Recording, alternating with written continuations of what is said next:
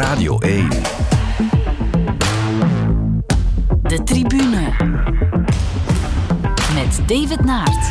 Hallo en welkom in een nieuwe aflevering van de Tribune. Heel wat sporten zullen vandaag de revue passeren met onder andere voetbal en wielrennen. Ik heb twee collega's van Sportsa bij mij vandaag. Dat zijn Bert Sterks en Christophe van de Goor. Dag Bert, dag Christophe. Hallo David. Uh, Bert, jij zit in een zeldzame rustige periode nu. Ja, dat klopt. Ja, ja, het voetbalseizoen is afgelopen. Atletiek moet nog beginnen, maar daar begint het inlezen nu wel stilaan. Dus het stopt nooit eigenlijk. Maar waarmee hou je je dan nog bezig? Uh, vakantie wat, uh, opnemen. ja, vakantie opnemen, inderdaad. Die begint eigenlijk nu ongeveer, na vandaag of morgen. Uh, met stappen in Wales, als het weer het toelaat tenminste. En dan gaat de fiets misschien ook nog mee. Ja. Oh, mooi. Je vermeldde het atletiekseizoen uh, en je bent je aan het inlezen weer. Het is al even aan de gang. Zijn er al Ja. dingen die je opgevallen zijn wat de atletiek betreft? Uh, ik heb er nog niet zo heel veel van gezien, moet ik zeggen. Ik zag dat Tiam een uh, persoonlijk record heeft geëvenaard op de 200 meter dit weekend. Ja. En het, de Diamond Leagues was er ook al een sterke 200 was het denk ik, onlangs uh, van de jonge Amerikaan. Zijn naam ontstaat Mhm. me nu heel even. Maar dat was het voornaamste, zowat het begint allemaal pas. Ja, Ze moeten het allemaal nog op tempo komen, op stoom komen. Ja. En het WK is pas midden juli en het tijd. EK midden augustus. Uh, Christophe, jij bent onze wielerman. Mhm. Voor jou geen rust, want de koers dat stopt nooit. Hè? De Ronde van Italië net achter de rug. Hè. Af en toe een uh, verslag mogen maken. Volgen sowieso natuurlijk, want je moet de Ronde van Italië toch wel een beetje volgen en gezien hebben met het oog op de, op de Ronde van Frankrijk. Um, binnenkort uh, komt de Ronde van België eraan, de Balwaze Belgian Tour. En dan het WK 3x3 basket, waar ik enorm ook naar uitkijk in Antwerpen. En dan uh, ja, twee dagen later is het vertrekken richting Kopenhagen. Hè, want uh, op Ja. vrijdag al de eerste etappe. Dus nu nog even relatief windstil, als je het zo mag noemen. Maar dan full force richting die Tour. Ja. Ja, uh, we hebben jou gevraagd om het over de Giro te hebben, maar je bent ook een basketbaljournalist. Uh, mm-hmm. Dus dat treft dat Oostende net landskampioen is geworden. Daar gaan we het ook over hebben. NBA, Fijn. is dat ook iets uh, wat jouw aandacht kan genieten? Van op afstand, maar deze week was het vooral uh, de nationale competitie toch ja. wel. Omdat dat Mechelen, ja, daar gaan we het straks over hebben, het, het zo spannend maakte natuurlijk, wat niemand verwacht had. Hè. Ja, inderdaad. Dat is ook voor, voor discussie. Maar zoals altijd gaan we beginnen met de momenten van de week. En eerste keuze van Bert.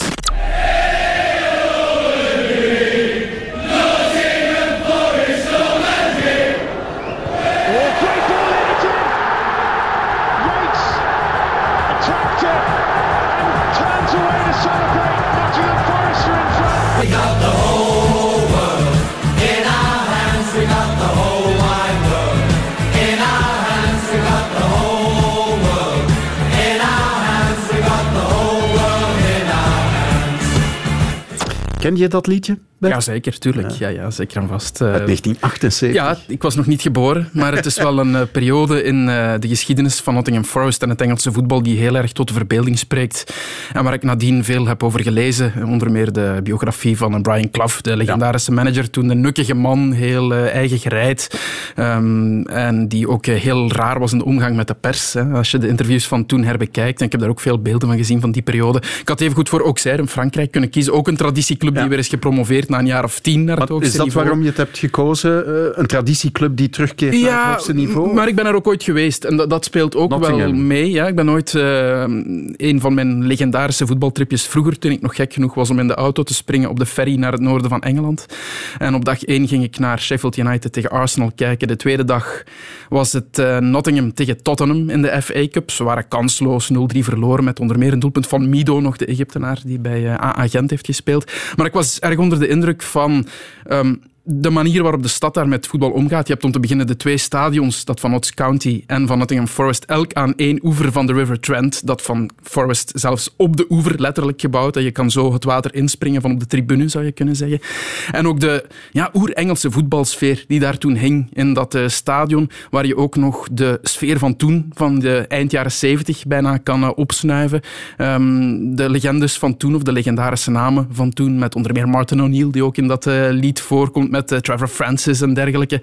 Dus allemaal heel namen als een klok, net zoals Nottingham Forest ook een naam als een klok is, die terugkeert naar uh, de Premier League met een ploeg die toen eind jaren 70 ja, promoveerde onder Brian Clough. Meteen landskampioen werd. Dus een sprookje zoals Leicester City Union bijna. Maar het werd nog veel straffer, want nadien wonnen ze twee keer de Europa Cup 1 op een rij. En dat is natuurlijk nooit geëvenaard op die manier. Het is ook de enige club die vaker Europa Cup 1 heeft gewonnen dan landskampioen is geworden. Ja, ze hebben nu de finale van de play-offs gewonnen.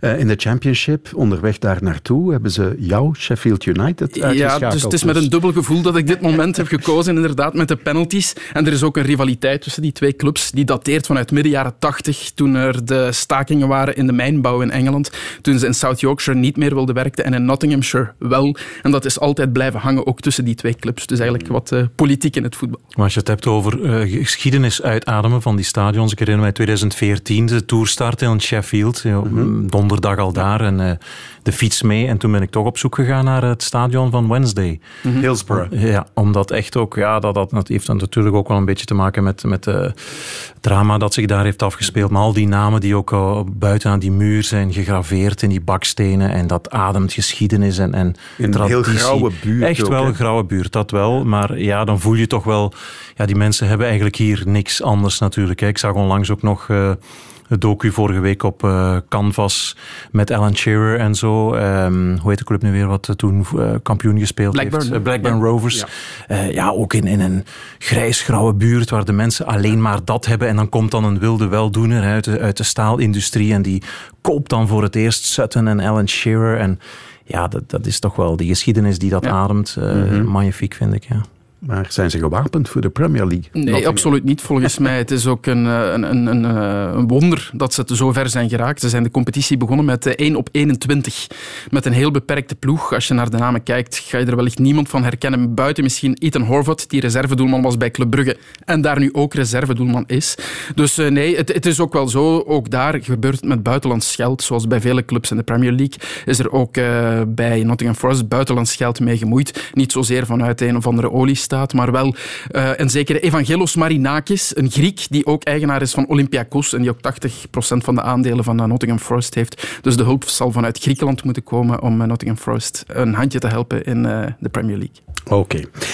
Dan gaan we eens luisteren naar het uh, moment van Christophe. Leclerc en Sainz allebei tegelijk. En Leclerc gaat hier nog een beetje langer mogen staan wachten ook. Slicks. Stay out, stay out, stay out. Te laat, te laat Ferrari. Hey, what, what Tire. And P4. No words. No words. Ay, ay, ay. Season is long. But we cannot do that. We cannot do that. Consternatie gisteren in Monaco uh, bij PlaySports commentator Gert Vermers, maar mm -hmm. vooral bij Charles Leclerc in de Ferrari. Wat was dat? Onwaarschijnlijk wat daar gebeurt. We hadden er thuis een familiemoment, gezinsmoment van gemaakt. Allemaal naar de Formule 1 kijken. Hè. Want ja, sinds uh, Drive to Survive natuurlijk op Netflix zijn de, de jongens thuis daar zot van. Uh, het is onwaarschijnlijk welke impact dat media kan hebben op zo'n sport. Maar goed, kijken dus naar een vrij saaie wedstrijd. 77 rondjes en uh, ja, na zoveel minuten... Hebben ze niet gehaald. Hè? Voilà, nog maar 10 ronden afgelegd. Dus het, het zondagnamiddag dutte begon eigenlijk al een beetje zo uh, op te spelen. Maar wat er toen gebeurde bij Ferrari, ja, dat, ik bekijk het echt als liefhebber van op een afstand echt onwaarschijnlijk. Je, je, leest getallen van budgetten, 140 miljoen werkingsbudget, los van de salarissen. En dan gebeurt zoiets. Ik kan mij dat echt niet... Ik zal heus niet alleen zijn, uiteraard, hè, David. Maar ik kan mij dat niet, niet voorstellen. Eerst al twee ronden te laat dat ze hem binnen laten komen voor, voor banden. Terwijl Perez toch ja, de bandenfluisteraar genoemd wordt. Dus die voelt dat perfect aan. Dan denk ik met een heel simpele geest, als hij dat doet, gewoon follow. Dat doen ze dan niet.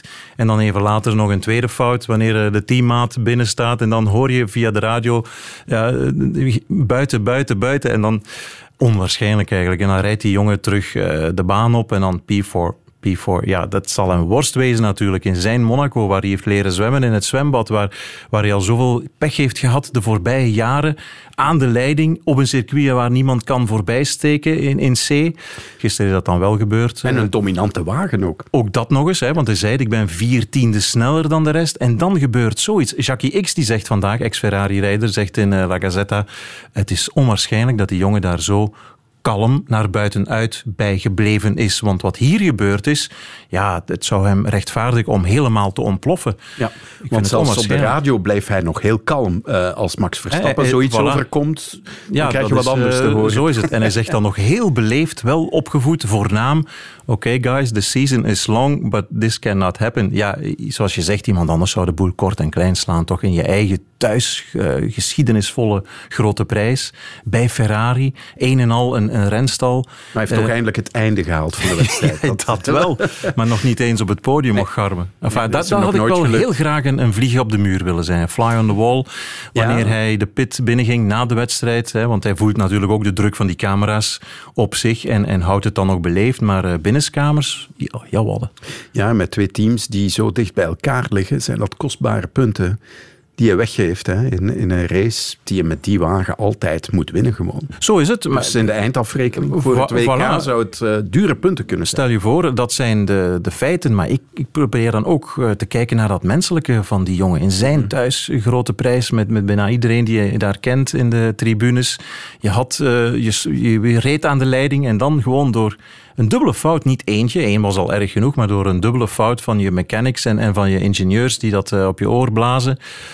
Ja, zo'n afgang, ik, ik vind het echt... eh, allee, Ja. De volgende GP komt er heel snel aan natuurlijk, maar toch... ehm, ik hoop dat hij een goede mental coach heeft om dat een plaats te geven. Ja, nog even over die grote prijs van Monaco. Een bedreigde grote Ja, ja prijs. inderdaad. Ja. Eh, Want maar- nog geen contract voor volgend jaar. Zo is het. Maar ja, laten we eerlijk zijn. eh, dat is vaak toch een race waar geen zak te beleven valt.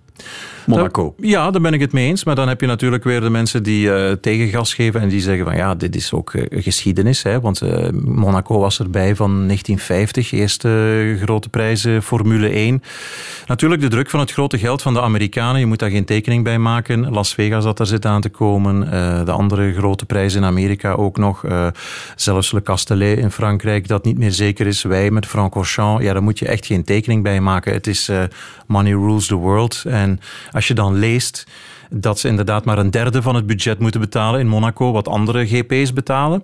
Ehm, ja, dan kan ik dat ergens wel begrijpen, dat de druk te groot wordt en dat men zegt, ja, jullie zijn dat wel Monaco, maar als de prins niet genoeg wil betalen... Hè, want gisteren was ik mij tussen haken, want dan blijven we daarover bezig ook aan. Heb geërgerd en ik las achteraf waarom. Eh, de regisseur miste toch nog al vrij veel dingen, vond ik. Plaatselijke productie. in Zo is het. tegenstelling Hè? tot alle Voilà, voilà. Zij willen dat zelf ook nog doen, maar Magnussen hadden ze niet gezien. Eh, De crash van Schumacher duurde 30, 40 seconden vooraleer die replay er kwam. Het was echt eh, dramatisch in beeld gebracht. Dus dat zal hij niet geholpen hebben richting een nieuw contract voor 2023. De tribune.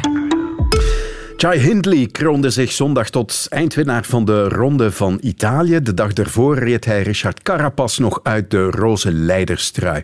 Dit zijn enkele impressies van de voorbije Giro. Girini. Vandaag de dag van het lang verwachte laatste klimwerk. Rit 20 voert ons naar het dak van de Giro, de Cima-koppie. En dat is voor de 41ste keer de Passo Pordoi, ruim 2200 meter boven de zeespiegel.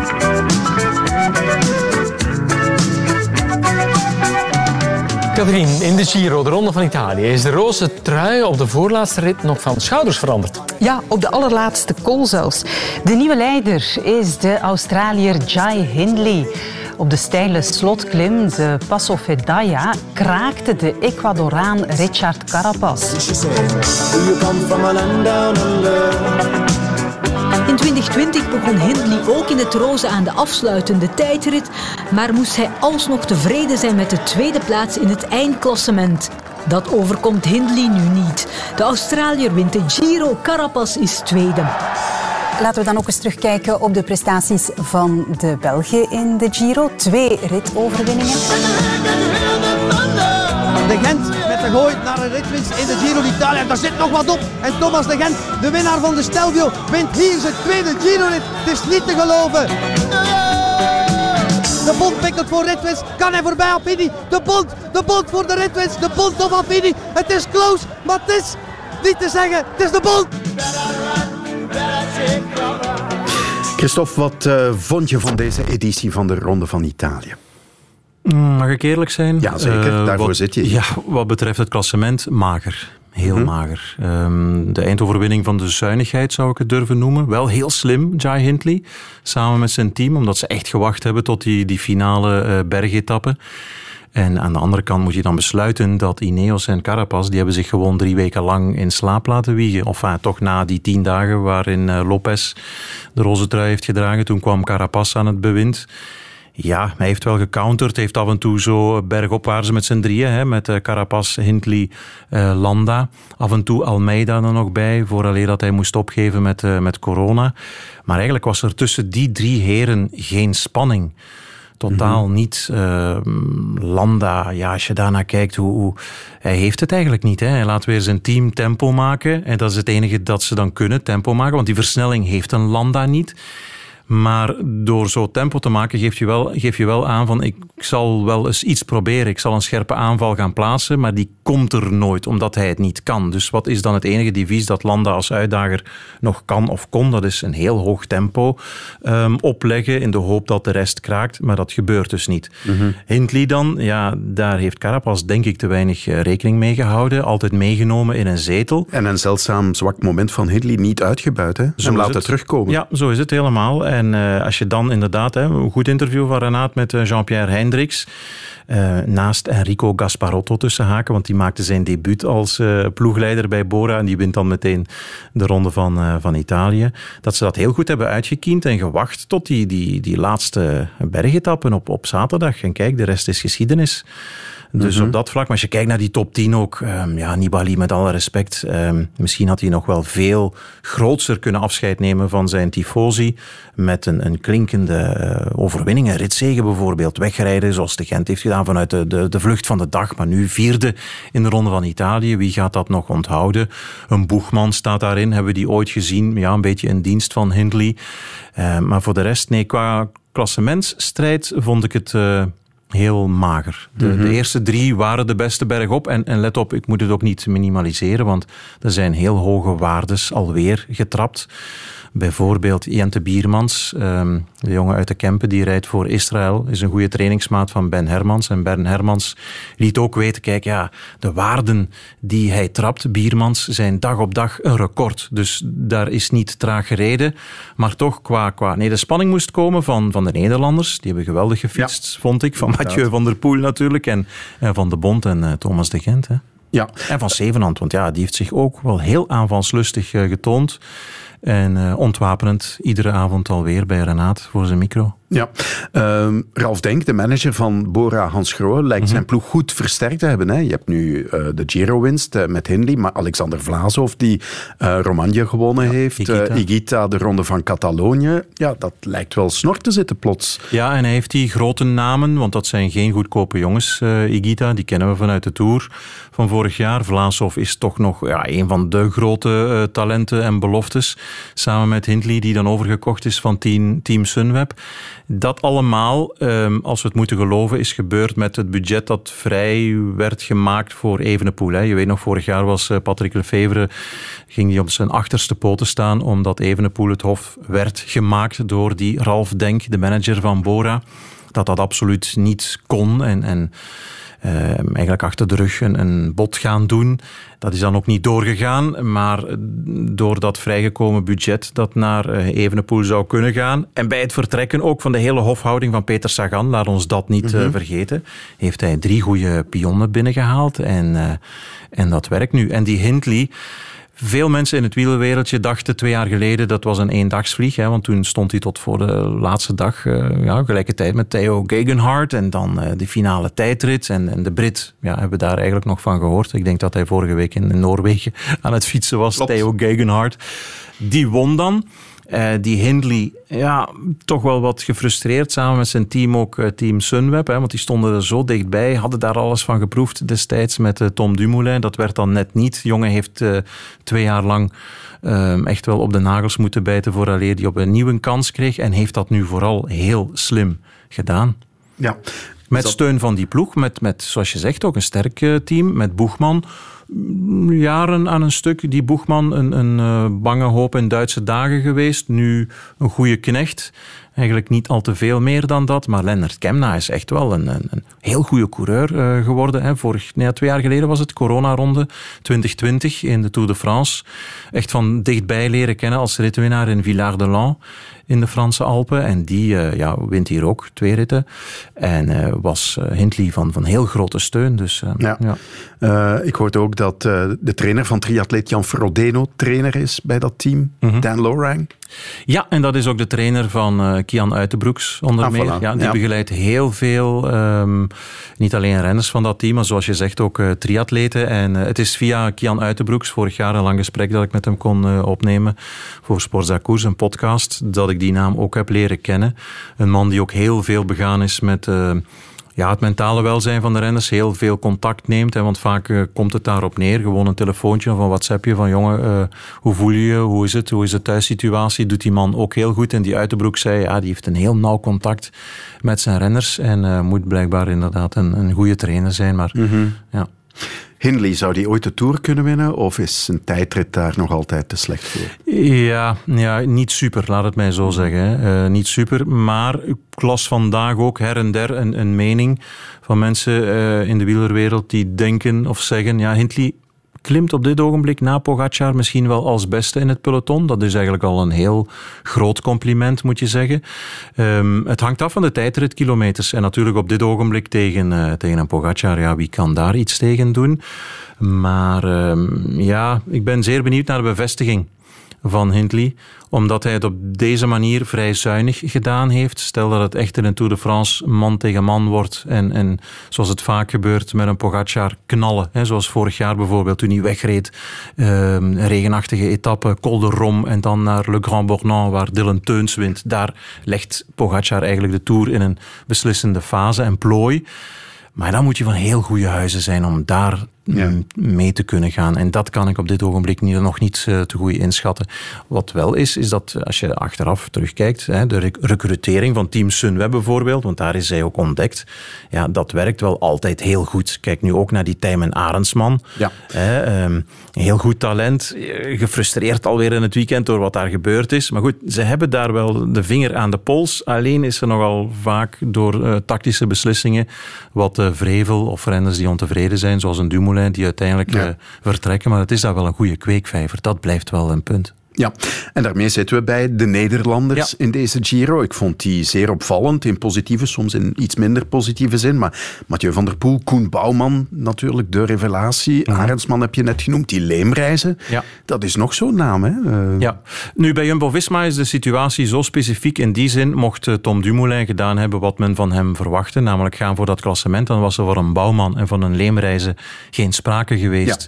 Dan hadden die zich niet kunnen gooien of smijten in, in een vlucht van de dan had Bouwman niet voor eigen rekening kunnen rijden voor dat uh, bergklassement. Maar zo zie je maar, dat cliché klopt ook wel. Uh, de ene is een dood tussen aanhalingstekens, is de ander zijn en zo verder. Die jongens hebben nu een kans gekregen. En dat is ook het mooie aan de ploegleiding van Jumbo-Visma. Die hebben op een bepaald ogenblik gezegd, oké, Gijs Leemreizen, je bent een heel groot talent... Um, zoek eens op waar je, je limieten liggen in deze ronde van Italië.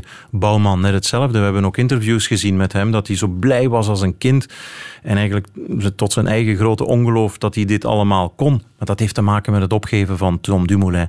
Arendsman, dat vind ik een andere zaak. Um, die jongen is tweede geëindigd in de toekomstronde van 2018 na ene Tadej Pogacar. Dan weet je dat je met de, met de fiets kunt, ja. kunt rijden. En um, ja, die dicht ik een heel grote toekomst uh, toe. Bijzonder gefrustreerd in het weekend, omdat hij per ongeluk in de vlucht van de dag zat bergop zaterdag. Moest dan van de ploegleiding daar blijven zitten. Uh, terwijl je zag van ik wil mijn krachten sparen voor morgen die tijdrit. Dat is dan fout gelopen. Tot daar die, die Arendsman, daar gaan we echt nog veel van horen. Um, en Mathieu van der Poel, ja, dat is dat filmpje alleen al hè, van in het weekend dat hij een wheelie doet tussen de tifosi samen met Pascal Eenkoren, nog zo'n man die een vrijgeleide kreeg bij Jumbo. Ja, dat is voor mij al een van de, de, de, beelden en de feiten van de Ronde van Italië. Als je zo makkelijk, zo goed met een fiets kan rijden en bergop op zo'n stijl stuk na drie weken tour, oké, okay, het is dan spielerij en hij moet die bergetappen niet winnen, maar probeer daar maar eens een wheelie te doen van die steile stukken bijna iedere dag uh, in de aanval de strijdlust gekregen. Hij moet dan gisteren in die arena in, in Verona naar dat podium en zegt dan laconiek, ja, een of andere strijdlustprijsie. Ja, dat, boeit hem helemaal niet, maar iedere dag weer laten zien en ja, blijft toch een fenomeen. Hij gaat nu een paar dagen de fiets aan de kant laten, uh, hoorde ik, Van der Poel. Dan gaat hij in Livigno op hoogtestage om zich voor te bereiden op die ronde van Frankrijk. En dan kunnen we echt zien, dat vind ik wel heel interessant, is deze grote ronde van drie weken goed geweest voor dat proces? Gaat hij daar beter uitkomen met het oog op de Tour? Of niet? Dat vind ik wel een heel interessante vraag. Ja, we moeten het natuurlijk ook over Remco Evenepoel hebben. Die stond uh, afgelopen week weer op het voorplan met drie ritzeges en eindwinst in de Ronde van Noorwegen. Here comes Remco Evenepoel. Lucas Blaff tries to come around him. It's Remco Evenepoel. Remco Evenepoel gets up to take the victory. His third stage win of the week. Ja, je ziet toch wel duidelijk een verschil dat hij uh, toch wel even verbeterd is. Uh, hij kan inderdaad wel een versnelling plaatsen. Dat toch wel ehm, ja, dat toch wel, stevig is, moet ik zeggen. Dus hij heeft daar duidelijk wel al gewerkt en, en het loont ook wel. Ja. Dat was ploegleider Tom Steels over de verbeterde sprintcapaciteiten van Evenepoel. Christophe, hoe kijk jij naar de voorbije week van Evenepoel? Ja, op zich natuurlijk. Als je kijkt naar de statistieken, ik ben het even gaan opzoeken. Het is al zijn, zijn dertigste overwinning voor Quickstep. Is een jonge carrière nog altijd maar 22, dus dat spreekt voor zich. Um, ik moet zelf al beginnen nadenken welke rondes van een week hij allemaal gewonnen heeft. Hè, van San Juan, Algarve, Burgos, twee keer de Ronde van België, noem maar op. Hier nu. Hij is echt op dit ogenblik de laatste jaren de van, van de ronde van één week, zeg maar. En nu wordt inderdaad in die ronde van Noorwegen, door die sprintoverwinning, in dat eh, beperkte groepje van een man of acht was het zeker, wordt dat er nogal fel uitgelicht, vind ik, vandaag ook in de kranten omdat dat iets nieuws is of lijkt. Um, je moet dat natuurlijk ook wel een klein beetje relativeren. In die zin, Ronde van Noorwegen, 100 deelnemers, een groepje vooruit. Dat is anders sprinten dan, dan... Hij gaat zich nooit, laat mij duidelijk zijn, hij gaat zich nooit mengen in een massasprint. Hè. Dat, mm -hmm. vandaag ook, als je een aantal telefoontjes doet, dat is het eerste dat de mensen ook uh, bij Quickstep zeggen. Verwacht dat niet, dat, dat hij massasprint. No way. Hè. Maar wel sprinten om bonificaties misschien, onderweg. Ja, dat heeft, ja, dat heeft hij dan vorig jaar wel geleerd. Hè. In, in de Ronde van Italië, weet je nog, voor dat één secondje of twee seconden sprinten tegen Bernal. En heeft hij nu uh, dit jaar gezegd, dit gaan we zo krachten verspillen, dat gaan we eigenlijk niet meer doen. Maar je hoort wel op training, trainingskampen ook in december en januari, dat hij vroeger zelden of nooit meedeed aan sprintjes. Of Doffies als laatste eindigde, maar dat is nu door één, het sterker worden. En je, je hebt ook uh, zijn, zijn bovenbenen en zijn dijen gezien. En die winter heeft geweldig hard daaraan gewerkt. Die explosiviteit is toegenomen. En is zich meer en meer op training gaan mengen in sprintjes. En kon af en toe alles een keertje iemand verslaan. Waar hij vroeger nog totaal niet tot aan het achterwiel geraakte. En dat merkt men ook binnen het team, dat mm -hmm. dat wel toeneemt. En dat gaat samen met het, uh, het vertrouwen ook van waarom ook wel niet. Maar waar men vooral, en dat wil ik toch wel benadrukken, uh, tevreden over is en wat wij ook als verslaggever zien van buitenuit en supporters, is zijn kalmte. Dat is vooral een heel belangrijk punt. Dat hij kalmer geworden is en niet meer zo opvliegend. Oké, okay, er is het... Mis... dat is nog niet zo lang geleden, hè? Ik wou de Brabantse, Brabantse pijl. pijl, daar wou ik naartoe. Hè, dat misbaar ook eventjes in dat treintje gaan duwen van de mannen van Ineos. Maar toch, je merkt het ook aan interviews. Uh, hij zal daar ook in begeleid worden. Het is wat uh, bedaarder bij momenten. Het is niet meer echt het explosieve, uh, ook met woorden. Het, het, het, gaat zeer de goede kant uit, laat het mij zo zeggen. Als je ja. weet dat het nog maar anderhalf jaar geleden is natuurlijk, hè, in, in Lombardije. Ja. Het viel mij ook op wat Patrick Lefevre over Evenepoel zei in het uh, nieuwsblad afgelopen zaterdag. Uh, beter doen dan Tadej Pogacar is hem kloppen in de koers. Zijn beste waarde ooit trappen, dat maakt van hem niet opeens de favoriet voor de Vuelta. Nee, en dat is dan weer de wijsheid uh, van een, een veteraan als Patrick Lefevre. Waarom? Omdat die waardes op zich, die zijn heel mooi om daar uh, te zetten en mee te geven. En dat is een mentaal enorm een opsteker. Maar Lefevre voegde daar ook meteen aan toe in welke omstandigheden is dat uiteraard. Hè? Is dat uh, helemaal alleen? Is dat met wind mee? Is dat aan het begin van een ronde? Is dat op het einde van een ronde? Dus je moet meteen alles, net zoals dat gesprint nu in de Noorwegen, in een, in een context plaatsen en ergens relativeren. Dus niet te veel daarmee aan de haal gaan. Natuurlijk, het tegendeel zou veel minder positief zijn mocht hij uh, niet zo'n gigantische waarde trappen, want die spreken wel voor zich natuurlijk meer dan 6 uh, kilo per lichaams, uh, watt per kilo, watt per kilo lichaamsgewicht. Ja, zo is het. Zo is het ja. Voilà. Ja. ja. Doet ons wel uitkijken naar de Vuelta, natuurlijk. Zonder dat we meteen uh, veel druk op zijn schouders willen leggen. Ja, maar toch. de tribune. Ja, er is niet naast te kijken. Hè. Thibaut Courtois was de sportman van het weekend. De doelman van Real Madrid bezorgde zijn ploeg de Champions League trofee dankzij enkele magistrale reddingen tegen Liverpool.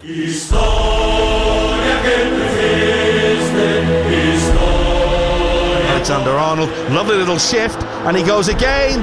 And Salah's there, and it's a super save. Thibaut Courtois. It's a ball by Thiago for Sadio Mane. And Mane! Oh, Courtois kept it out somehow. Alaba for Benzema, who's got space. First touch, brilliant. Second, outstanding. And then Liverpool, oh, they nearly deal with it. And Benzema will score. And the arm goes up from the referee. The VAR check is over. Now Liverpool are on the back foot. It's Valverde. Entrega para Valverde. Necesitamos turbina. Viene Valverde, viene Valverde, viene Valverde, viene Valverde, viene Valverde, viene Valverde. En la casa de Mbappé Vinicius. En la casa de Mbappé Vinicius. En la casa de Mbappé. Stunning first touch. Now Salah Thibaut Courtois with a save. This is a brilliant piece of goalkeeping.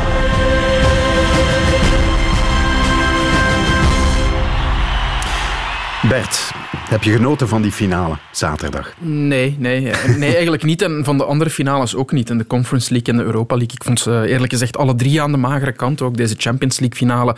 Het was al zeer jammer dat het een half uur later begon. Daar ergerde ik me al blauw aan, omdat het behoorlijk laat werd. Maar Zo goed, is dat is dat terzijde.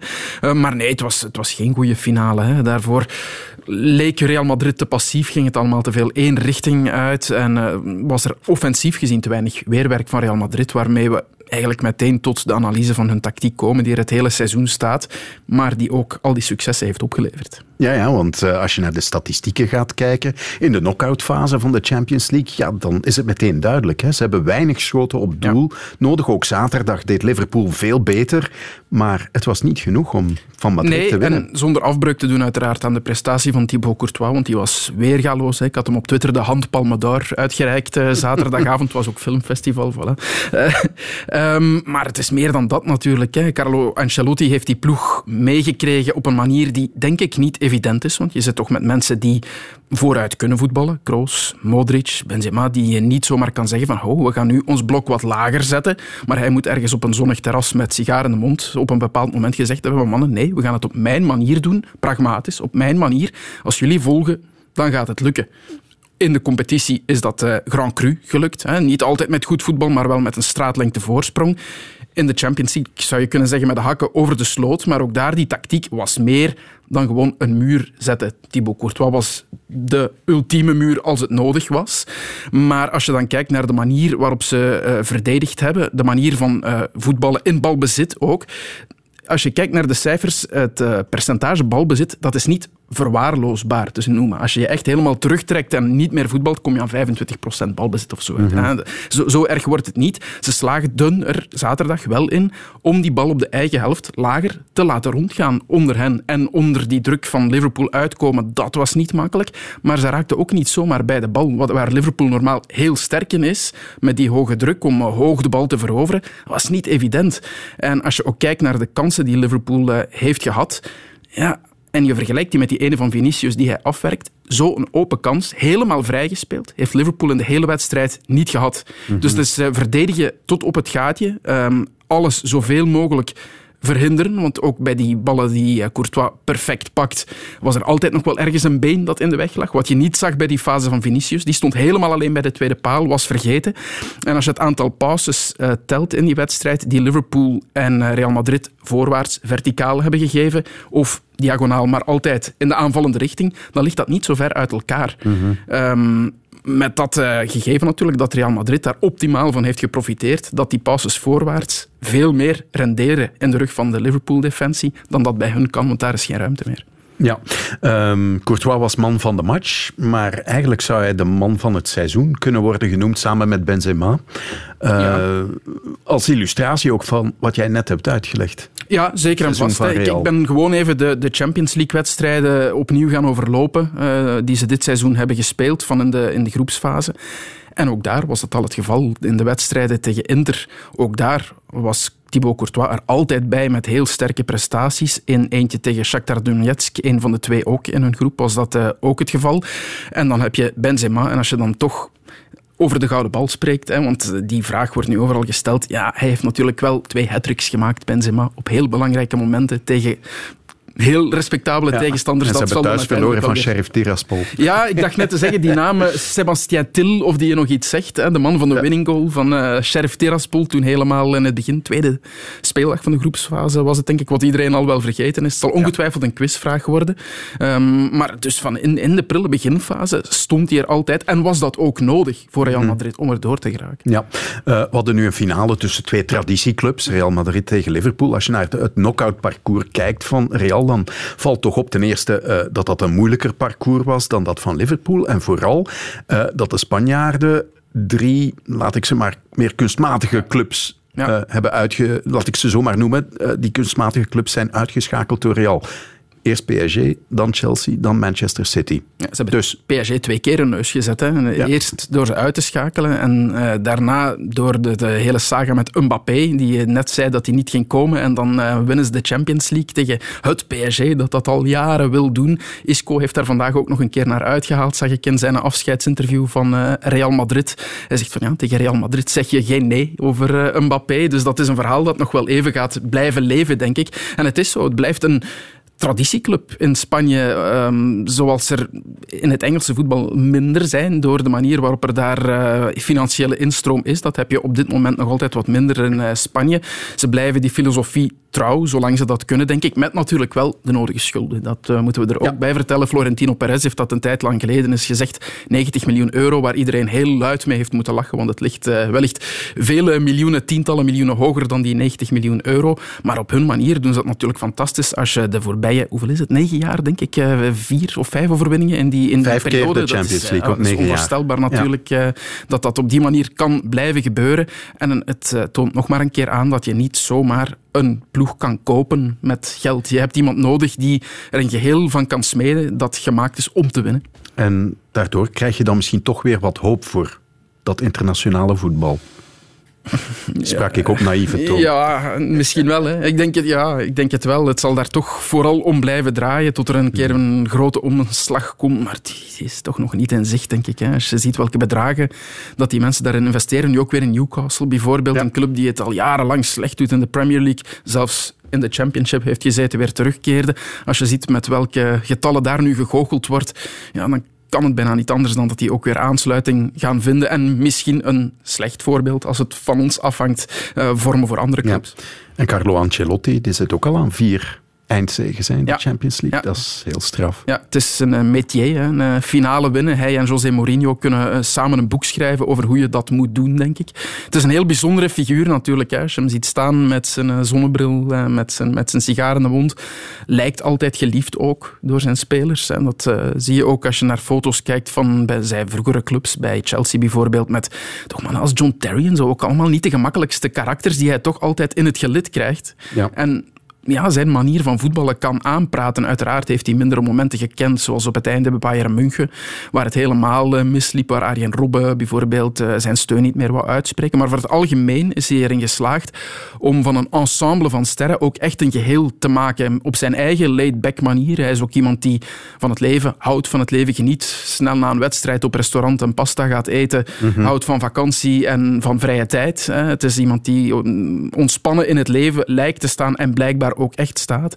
En tegelijkertijd is hij iemand die binnen de club ook wel in zekere zin op die manier fungeert door een vaderfiguur te zijn voor zijn spelers die niet te beroerd is om laat s'nachts nog een telefoon op te nemen om desnoods persoonlijke dingen te bespreken met zijn spelers. Dat is iets wat, je, wat terugkeert als je zijn carrière overloopt, artikels van lang geleden leest. En getuigenissen van zijn spelers zijn dat dingen die altijd weer terugkeren. Ja, uh, er is uh, ook deze week nog veel te doen rond de chaos rond het Stade de France, waar de Champions League finale werd gespeeld.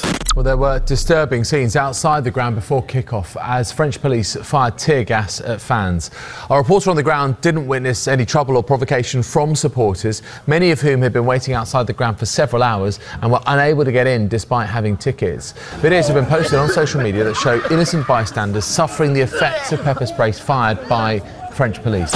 Ja, veel kritiek op de Franse politie, Bert. Ik moet zeggen, uh, toen ik die beelden zag zaterdagavond voor de wedstrijd nog, ik was echt bang voor een nieuw Hillsborough. Zeker. Als je geplooide, die trechter waar ja, die duizenden ja, en fans werden dranghekken ziet, dan weet je dat er hard is geduwd, dat er uh, gewrongen is. Als je mensen ziet springen van op vier meter, dan moet er echt wel veel aan de hand geweest zijn. En die getuigenissen lees je ook uh, van journalisten die ertussen stonden, van mensen zowel uit Spanje als Frankrijk als Engeland die ter plaatse waren, die zeiden van zoveel schrik heb ik bij een voetbalwedstrijd nog nooit gehad. Dus ja, die vrees was denk ik wel gegrond. Hè. Je bent ja. ook niet de enige die dat uh, heeft aangehaald. Hè, ja.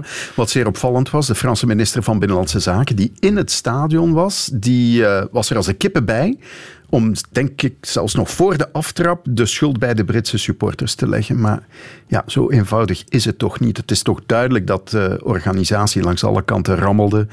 Ook de Franse politie blijkbaar onvoldoende manschappen. En dan zeggen ze, ja, maar we hadden maar drie maanden om dit georganiseerd te krijgen. Want normaal was de finale in Sint-Petersburg geweest. Dat is lulkoek. Hè. Ze hebben al heel veel grote evenementen en grote ja, wedstrijden. Je organiseer het dan in niet, datzelfde stadion. En voilà, ja. organiseer het dan niet als je denkt dat je het niet aan kan. Maar, maar het is ook een politiek spelletje aan het worden natuurlijk. Hè. Boris Johnson wijst naar de ene kant, de Fransen wijzen naar de andere kant. Maar, maar het is toch opvallend. Nog geen jaar geleden de finale van het EK in Londen. Idem, hè? Ja. Wembley Way, dat is uh, overspoeld. Ook in de halve finales was het trouwens daar ja. uh, erg druk. Eentje ervan heb ik er zelf tussen gelopen en, en dacht je ook, één, ja, het was corona, dus je mocht niet besmet geraken. Mm -hmm. Vlak voor de Olympische Spelen, dus dat was angst nummer één. Maar ook, als hier iets gebeurt, dat is een, een vertrappeling. De massa volk die daar rondliep, en blijkbaar was dat dan tijdens de finale nog maal zoveel. Dat was eigenlijk uh, net hetzelfde uh, verhaal als nu aan het uh, Stade de France. Ja. Maar een heel simpele gedachte, mocht ik geen ticket hebben als Brit zijnde, dan ga ik toch niet naar Parijs? Of is dat alleen om een beetje ambiance ja. te proeven in Parijs, in de lichtstad? Er was ook een fanzone. was een fanzone, ja. de Schotten waren ook in Sevilla. Dus die waren daar ook massaal ja, aanwezig voor de Europa League finale. Net hetzelfde, die zijn dan wat maar beheerster, 20, wat braver. 30.000, dat is toch... Ja, is massaal. Ja. en er was ook politie uit Liverpool mee en die zeggen, ja, het gedrag van de fans hier, Liverpool, mm. was uh, voorbeeldig. Ja, iedereen trekt zijn paraplu open. Hè. Zo is het hè, op dit moment. Zowel en de Franse minister op kop lijkt me de, degene die dat nu het uh, meest aan het doen is de voorbije dagen. De tribune. En mijn gasten vandaag zijn Christophe van de Goor en Bert Sterks. Zullen we even de zaal intrekken? 22 seconden nog. Kangaroos heeft de bal nog uh, via Loubry. En uh, dunk. Oh, hij mist hem. Hij mist hem. Hier de doodsteek. De dunk aan de andere kant van uh, Boet. Het is voorbij. 83, 91. Oostende wint hier.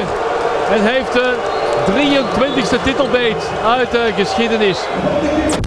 Oostende landskampioen in het basketbal. Christophe voor de elfde opeenvolgende ja. keer. Wat een verrassing. ja, maar anderzijds wil ik dat benadrukken dat dat toch wel enorme basketbalgeschiedenis is. Ik heb nog eens naar de erelijst gekeken. Uh, ja, grote opeenvolgende titels van, van clubs hè, in de jaren 50 en 60. Bijvoorbeeld Antwerpse met uh, Jeff Eigel en, en René Aarts. Dat was zes keer op een rij. Maak dan een sprongetje, begin jaren 80, het Sunair Oostende. John Heath, Mark Brown, Rick Samai natuurlijk, zes keer op een rij. Die hegemonie is dan overgenomen door het grote Racing Mechelen. De echte eerste profclub in ons Belgische basketbal onder leiding van Lucien van Kerschaver. Opnieuw met uh, Rick Samai, met Bill Varne, dat weten we allemaal nog. Nadien zijn er periodes gekomen, twee keer zelfs, van, van Charleroi onder leiding van uh, Giovanni Bozzi. Maar nu elf keer op een rij onder leiding, elf keer van Dario Gergia. Dat is toch wel... Ik denk niet dat er ooit nog een club gaat komen in, uh, in de geschiedenis van het basketbal om, om zo'n reeks mm-hmm. neer te zetten. En hij blijft dat doen, oké. Okay, met een groter budget dan de andere teams. Hè, want uh, ook na corona, ik denk bij Oostende ook wel, Maar bij de andere clubs veel feller is dat budget geslonken.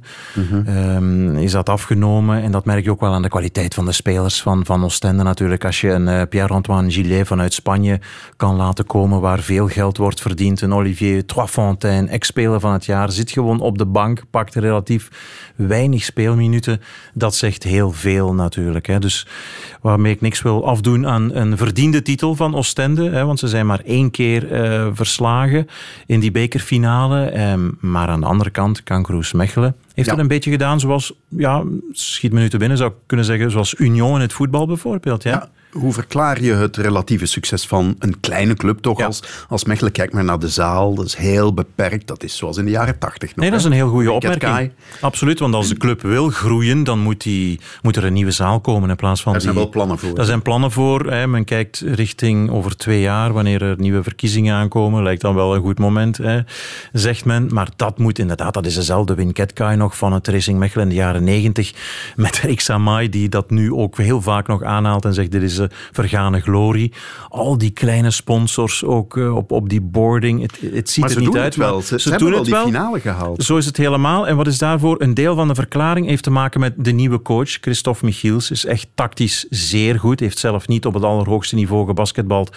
Maar eh, kan bijvoorbeeld na het nemen van een time-out een heel interessante play tactisch uitschrijven. Dat is één punt. Twee, als ik daarbij die Michiels blijf, die heeft er bij de club op aangedrongen om de Amerikanen die moesten overkomen, de nieuwe Amerikanen vanuit eh, de Verenigde Staten uiteraard, om die vorig seizoen vanaf 1 augustus al hier te hebben. Om eigenlijk met een goede voorbereiding te kunnen starten aan het seizoen. Normaal gezien is dat 15 augustus.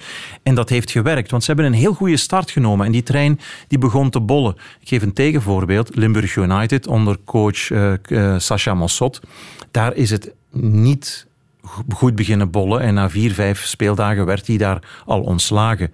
Christophe Michiels, nu de nieuwe coach van eh Kangaroos Mechelen, komt vanuit Limburg United. Dus die wist van, nou, een, een goed begin is, eh, is heel ehm, gewenst. En ehm Wenmo Kubu, de speler van het jaar, lijkt, niet alleen lijkt, maar speelt een enorm belangrijke rol als verbindingsstuk tussen de coach en tussen de spelers. En dan met name ook de Amerikanen.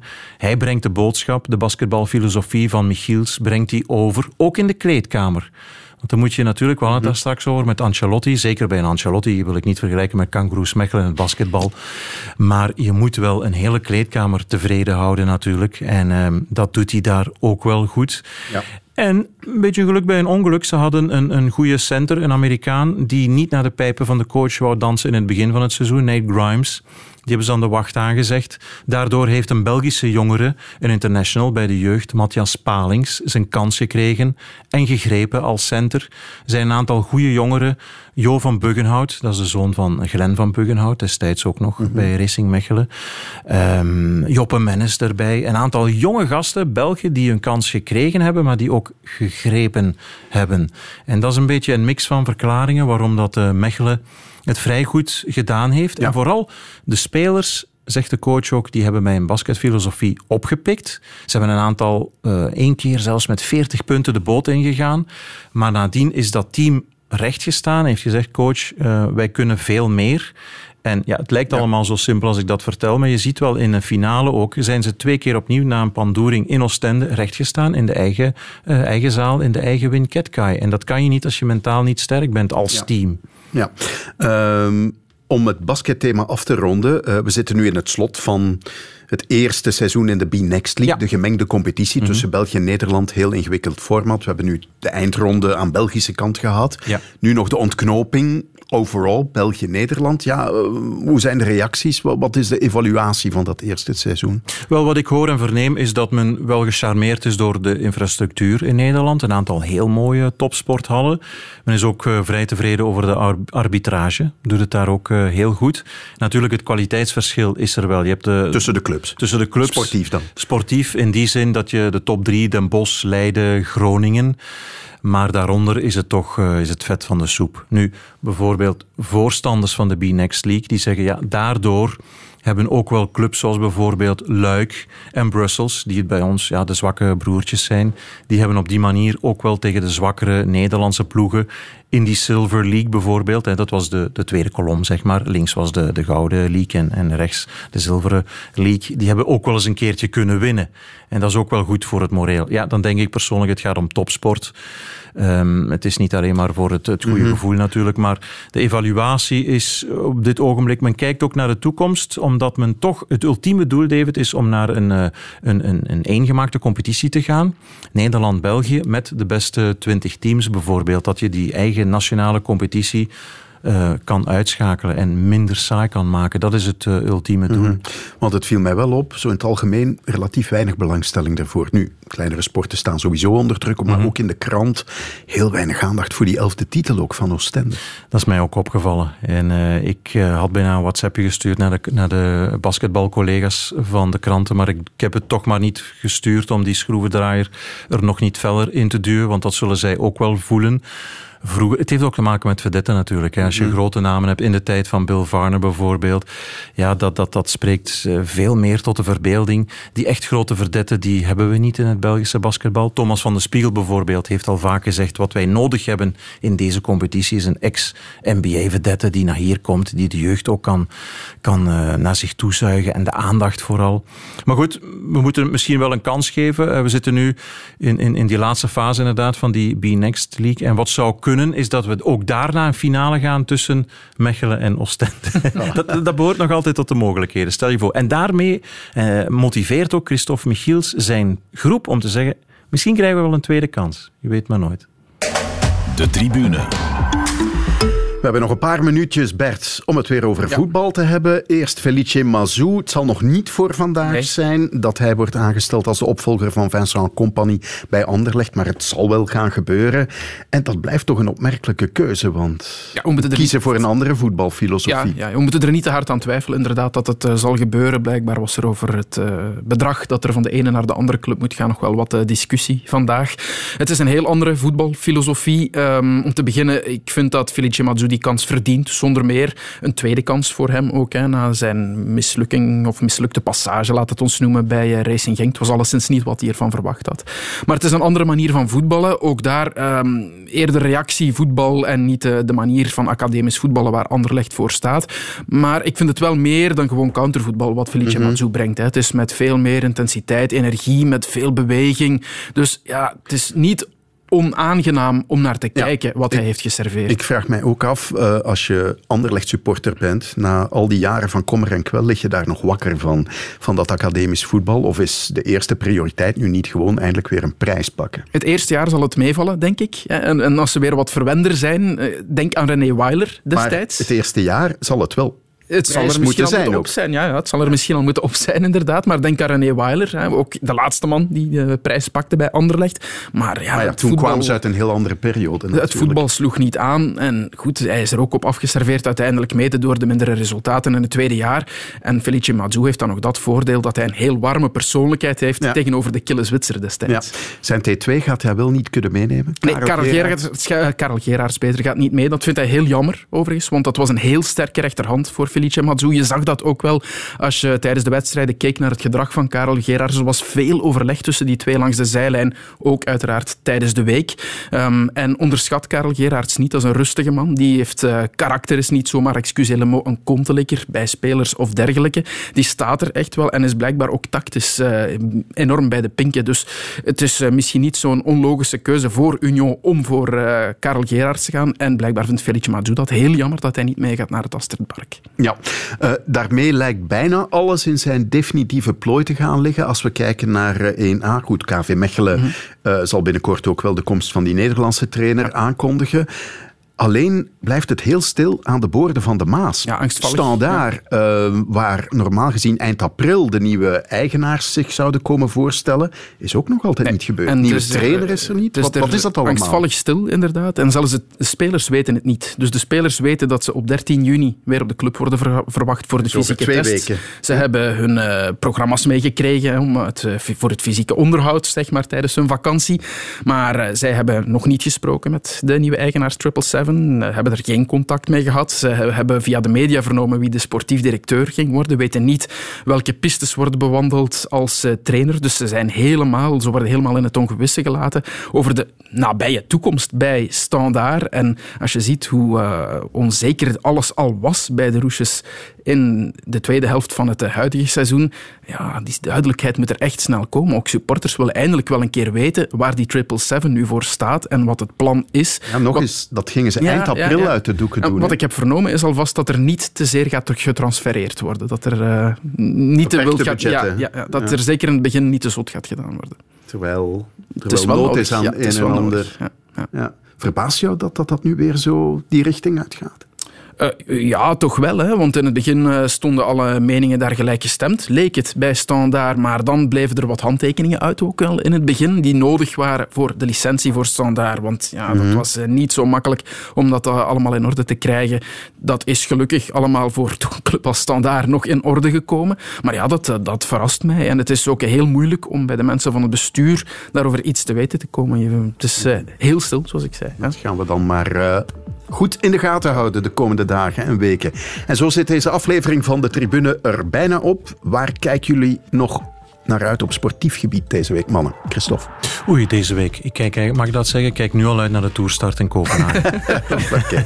Bert? Um, ja, naar de stemming over het competitieformat, die razend interessant gaat worden. We kunnen er niet over uitweiden, maar dat wordt wel wat. Dat is voor donderdag. Dit was de Tribune. Tot volgende week. Dag.